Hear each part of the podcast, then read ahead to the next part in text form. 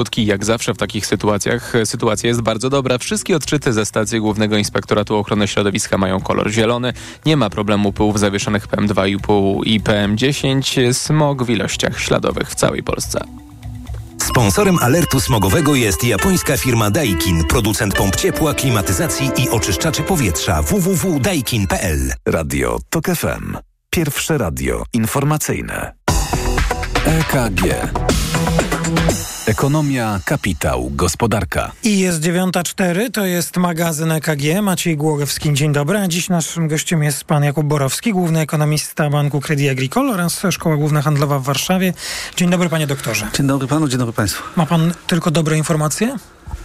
No, te informacje, które zeszły przed chwilą, może niekoniecznie są, są takie dobre. E, dobre, bo pan prezes Glapiński ostatnio, jak były dwa kolejne miesiące inflacji miesiąc do miesiąca na zero, to mówił, są dobre informacje, a teraz ta miesięczna inflacja jest niższa. W lipcu mhm. od tej w porównaniu z czerwcem. To myślałem, że pan też powie, że ma tylko dobre informacje. No przede wszystkim w polityce pieniężnej skupiamy się na inflacji rok do roku.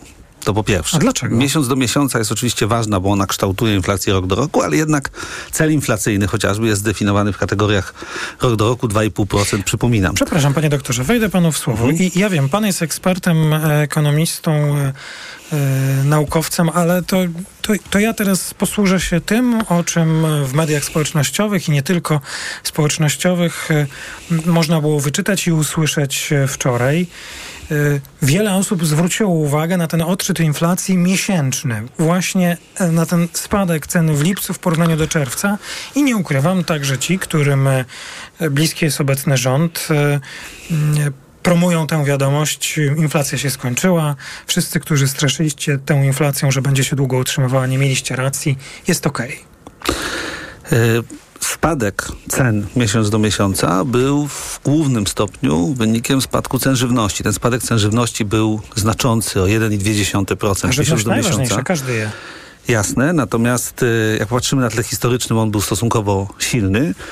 E, nie wiemy Możemy podejrzewać, co stało za tym, jaka była przyczyna. Najprawdopodobniej, znaczy nasze podejrzenie jest takie, że to y, był głównie spadek cen owoców. Nie wiemy, bo to dane wstępne. Tak, to nas trochę sytuuje w kontekście tej gorącej debaty politycznej dotyczącej cen owoców i, i, i tego, jak to wpływa na sytuację rolników, ale to zostawiamy.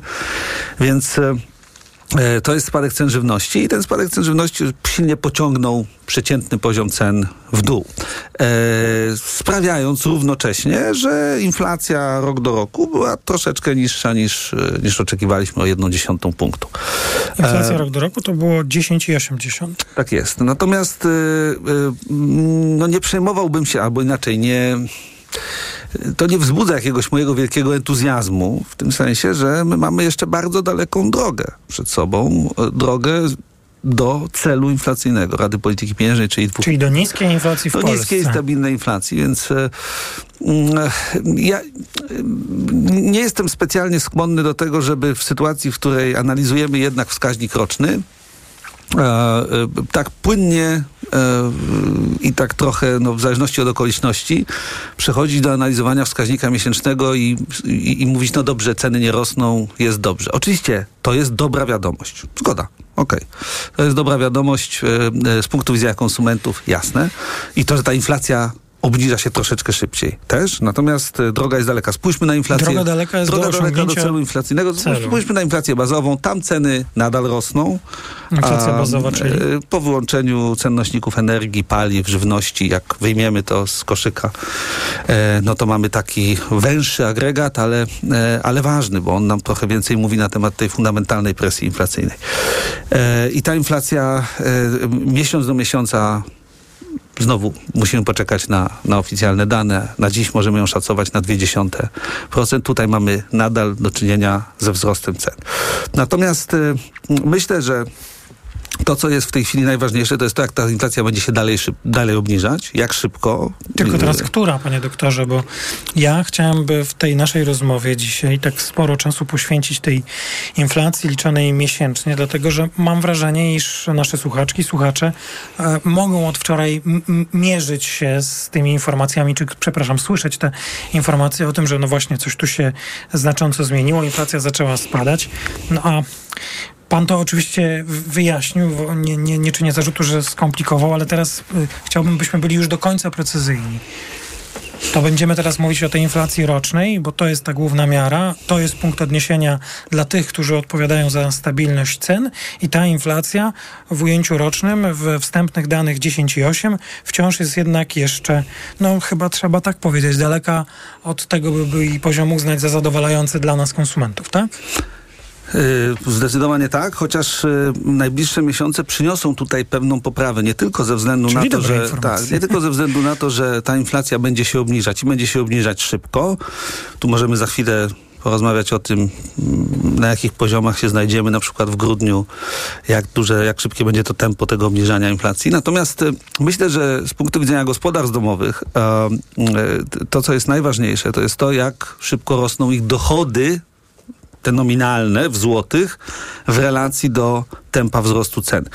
I y, trzeci kwartał z tego punktu widzenia będzie przełomowy. W tym sensie, znaczy? że przeciętne wynagrodzenie e, będzie rosło szybciej w ujęciu rocznym niż e, e, ceny. Teraz jesteśmy niż ceny, tak, niż ceny i ta różnica będzie się pogłębiać. Czyli na przykład w czwartym kwartale ta różnica wyniesie już a 3 punkty, mniej więcej 3 punkty procentowe. No i to są dobre wiadomości. I to są dobre wiadomości, bo to jest istotne z punktu widzenia tej dyskusji o tak zwanej drożyźnie. To znaczy, ta drożyzn, drożyznę trzeba rozumieć przede wszystkim jako sytuację, w której siła nabywcza naszych dochodów spada ze względu na tą wysoką czy podwyższoną inflację. E, I oczywiście, no można powiedzieć, że ta drożyzna tak rozumiana, tak zdefiniowana, w czwartym kwartale się skończy, natomiast nadal inflacja będzie wysoka, wysoka zbyt wysoka. Panie doktorze, no nie sposób uciec od tego tematu, który przecież jest y, przedmiotem y, wielkich dyskusji, wielu dyskusji także mm, ekonomicznych y, i także tutaj w magazynie EKG. Czy czy zbliżamy się do momentu, w którym zaistnieją przesłanki, które są istotne dla profesora Glapińskiego i będzie można obniżyć stopy procentowe? Pan profesor chciałby e, obniżyć stopy procentowe, jak już wskaźnik tej rocznej inflacji spadnie do poziomu jednocyfrowego. Zbliżamy się do tego? Zbliżamy. Tak, i jeszcze jest drugi czynnik, czyli ta inflacja znacząco będzie się obniżała i długotrwale, tak? Ten proces tak, będzie. Tak, jeżeli chodzi o ten drugi czynnik, to sprawa jest oczywista. Znaczy jesteśmy, ta inflacja na takim autopilocie się porusza, to znaczy ona będzie się obniżać i będzie się obniżać szybko w najbliższych kwartałach, więc myślę, że e, czy, czy, czy w tym miesiącu, czy w kolejnych ten warunek będzie spełniony. Natomiast ja bym chciał zwrócić uwagę jednak na pewną pułapkę, w której Rada Polityki Pieniężnej się znalazła po takiej deklaracji. Otóż e, jeżeli e, zdefiniujemy przesłankę obniżenia stóp jako spadek inflacji do poziomu jednocyfrowego, a będziemy balansować na tej granicy w sierpniu, to chciałbym zwrócić uwagę na następujące ryzyko. E, wyobraźmy sobie taki scenariusz, w którym ta inflacja wynosi, wstępna inflacja podana na początku września, wynosi 9,9 0,9%. No, warunek jest spełniony. Rada Polityki Pieniężnej się zbiera na początku września, podejmuje decyzję o obniżeniu stóp procentowych. A potem w połowie września mamy już oficjalne dane o inflacji, te pełne, gdzie GUS rewiduje tę inflację, e, bo ona jest troszkę, tak bywało w przeszłości, że te finalne dane są, są inne od e, te, tego wstępnego wskaźnika i mamy i mamy 10%. No tak, to jest bardzo ciekawa dyskusja, ale, ale, ale, ale pytanie ale możemy takie, ją przeciągnąć do października. Ale i... pytanie jest takie, ale co wtedy?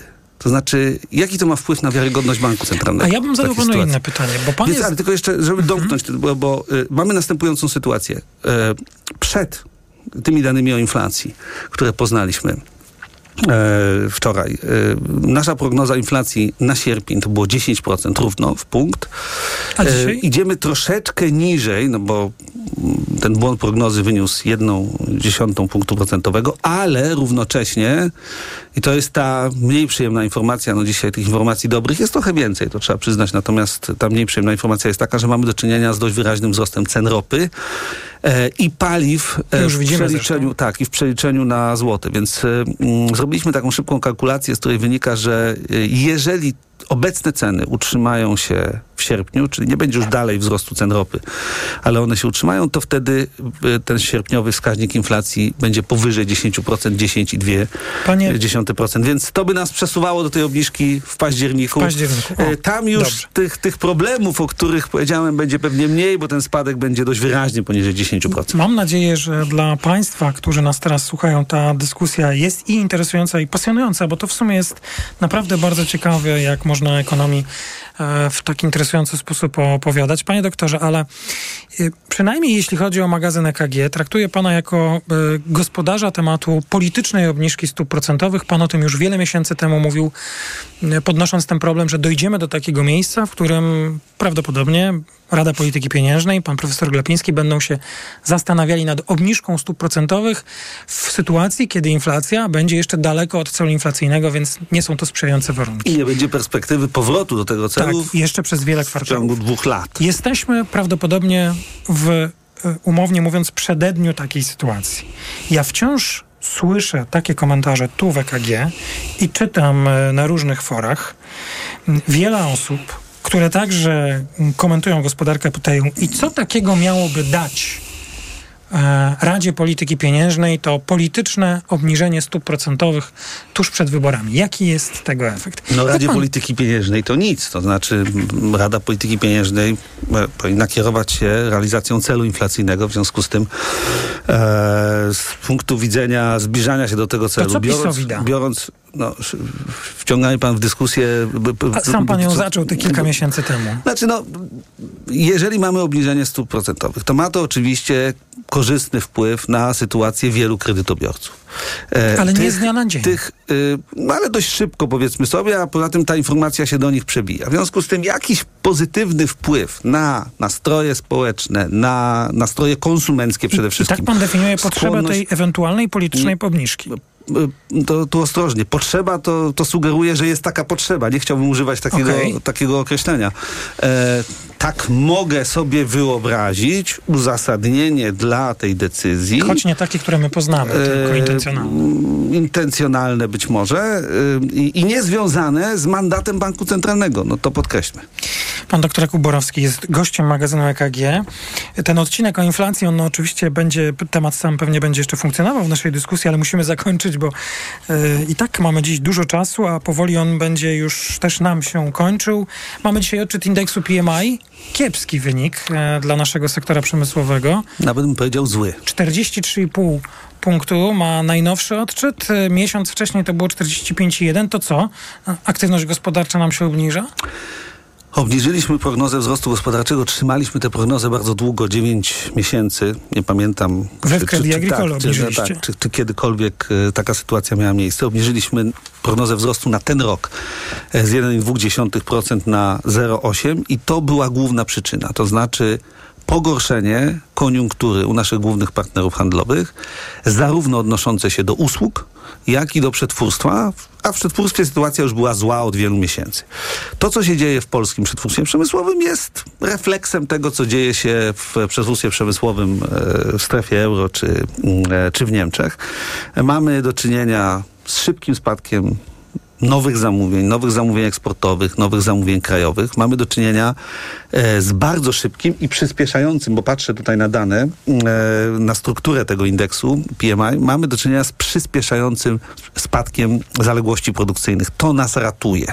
To znaczy firmy e, produkują w dużym stopniu dlatego, albo inaczej, mimo tego, że spadają zamówienia, produkują wciąż, e, dlatego że realizują zaległości produkcyjne, które się nazbierały, które się zakumulowały w okresie pandemii i po wybuchu e, wojny w Ukrainie. Więc to nas troszeczkę e, podtrzymuje przy życiu, jeżeli mogę tak powiedzieć. Mówię o przetwórstwie przemysłowym. Jak popatrzymy na twarde dane dotyczące produkcji przetwórstwie przemysłowym w Niemczech, to tam nie, ma, nie było załamania w ostatnich miesiącach. Nawet był delikatny trend. Ale zaskoczył wzrostem PMI dzisiejszy? No zaskoczył, dlatego że... A, no, nie, a co odpowiada za jego spadek? E, w zasadzie wszystkie główne kategorie. No, widzę, że e, e, odpowiada i produkcja, czyli mamy do czynienia z pogłębieniem się spadku produkcji. Mamy, do, e, mamy, spadek, e, e, mamy spadek zamówień, który też się pogłębia.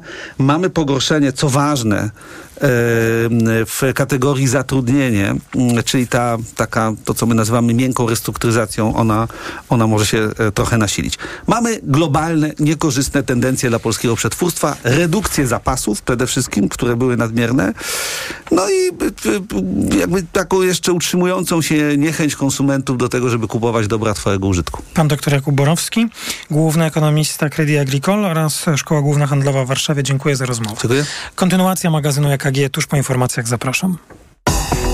EKG. Ekonomia, kapitał, gospodarka. Autopromocja.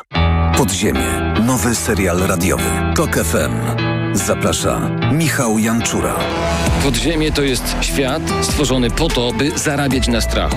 W podziemiu nie obowiązują reguły świata nauki i medycyny. Podziemie to wreszcie idealnie zorganizowany biznes. Ludziom, którzy nigdy nie chorowali na boreliozę albo dawno ją pokonali, wmawia się, że muszą latami łykać dziesiątki antybiotyków, suplementów i ziół. Pacjenci płacą, wyniszczają siebie i są zagrożeniem dla innych. Podziemie. Słuchaj na tokefm.pl ukośnik podziemie lub w aplikacji mobilnej. Tok FM. Autopromocja. Reklama. RTV Euro AGD. Tylko do jutra. 50 zł rabatu za każde wydane 500. Promocja na wybrane produkty. Aż do 2000 zł rabatu. Rabat naliczamy od razu. Szczegóły i regulamin w sklepach euro i na euro.com.pl. Reklama. Radio TOK FM. Pierwsze radio informacyjne. Informacje TOK FM. 9.20 Filip Kakusz, zapraszam. Rosja na potęgę niszczy ukraińskie zboże, alarmuje Kijów. Przez 9 dni ostrzałów portów nad Morzem Czarnym stracono 180 tysięcy ton ziarna, które mogło zostać wyeksportowane do Azji i Afryki. Regularne ostrzały Odesy Kreml rozpoczął po wycofaniu się z umowy zbożowej, która pozwalała na taki eksport właśnie przez Morze Czarne. Mimo grożących mu zarzutów, były prezydent Donald Trump stale umacnia swoją dominującą pozycję nad resztą republikanów ubiegających się o nominację partii w przyszłorocznych wyborach. Słabną natomiast notowania jego głównego rywala, gubernatora Florydy Rona DeSantisa. Według badania New York Times i Siena College Trump cieszy się poparciem 54% prawdopodobnych wyborców prawicy, podczas gdy DeSantis 17%. Popularność pozostałych kandydatów nie przekracza kilku punktów procentowych. Słuchasz informacji TOK FM. Francja zapowiada rychłą ewakuację swoich obywateli z Nigru. Niger to trzeci kraj Sahelu, w którym w ciągu niecałych trzech lat doszło do wojskowego puczu. Mali i Burkina Faso, gdzie również rządzi armia, zapowiedziały, że są gotowe stanąć do walki, jeśli siły wobec Nigru użyją państwa wspólnoty gospodarczej państw Afryki Zachodniej. Członkowie tej organizacji zagrozili Nigrowi sankcjami i interwencją zbrojną, jeśli w ciągu tygodnia armia nie przywróci konstytucyjnego porządku. UNESCO rekomenduje wpisanie Wenecji na listę zagrożonego dziedzictwa. Organizacja Narodów Zjednoczonych do spraw oświaty, nauki i kultury ogłosiła, że straty mogą spowodować ciągły rozwój, zmiany klimatyczne i masowa turystyka. O zagrożeniach wynikających z tego ostatniego czynnika we Włoszech mówi się od dawna. W przyszłym roku mają zostać wprowadzone bilety wstępu do Wenecji. Nad propozycją UNESCO we wrześniu będą głosować wszystkie państwa członkowskie organizacji. Pogoda. Dzień będzie pochmurny i deszczowy z burzami na północy i zachodzie kraju. Nad morzem będzie najchłodniej około 19 stopni, 20 na krańcach zachodnich, w centrum około 22-23, a na Podkarpaciu miejscami 26 stopni. Radio TOK FM. Pierwsze radio informacyjne. EKG. Ekonomia, kapitał, gospodarka. To jest druga część magazynu EKG w Radiu TOK FM. Maciej Głogowski raz jeszcze dzień dobry. W naszym studiu pani Małgorzata Starczewska-Krzysztoszak, Wydziału Nauk Ekonomicznych UW i Towarzystwa Ekonomistów Polskich. Dzień dobry pani doktor. Dzień dobry. Pan Andrzej Randarski, prezydent Krajowej Izby Gospodarczej. Dzień dobry panie doktorze. Dzień dobry. I pani Monika Konstant, prezeska zarządu Związku Polskiego Leasingu. Dzień dobry. Witam serdecznie. No, sporo czasu w pierwszej części EKG mówiliśmy o inflacji. Nie trudno, jesteśmy po wstępnych danych. Przypomnę, inflacja w lipcu według tych wstępnych danych w ujęciu rocznym 10,8. No ale ta żywność tutaj rozbudziła wyobraźnię, że inflacja już miesięcznie spada i tak nawet pomyślałem sobie, że może jest to warte wyjaśnienia. To, to na czym właściwie teraz mamy się skupić? Na tym rocznym wskaźniku, do którego nas wy, eksperci, ekonomiści przyzwyczailiście? Czy miesięcznym, jakby niektórzy chcieli tak trochę przeglądać? No, trzeba przyglądać się jednemu i drugiemu. Popatrzmy na, y, może nie na żywność, tylko popatrzmy na paliwa. Y, Ale jeść każdy musi. Zgadza się, ale w cenach jedzenia, ale w cenach jedzenia y, jest koszt paliwa, więc y, y, no jedząc no i płacąc za żywność płacimy także za paliwa. I proszę zobaczyć, mamy w fleszu, czyli za lipiec te wstępne dane, spadek cen paliwa do lipca zeszłego roku 15,5%, ale jak popatrzymy na miesiąc do miesiąca, czyli lipiec do czerwca, mamy wzrost o 0,4 mm, punkta procentowego.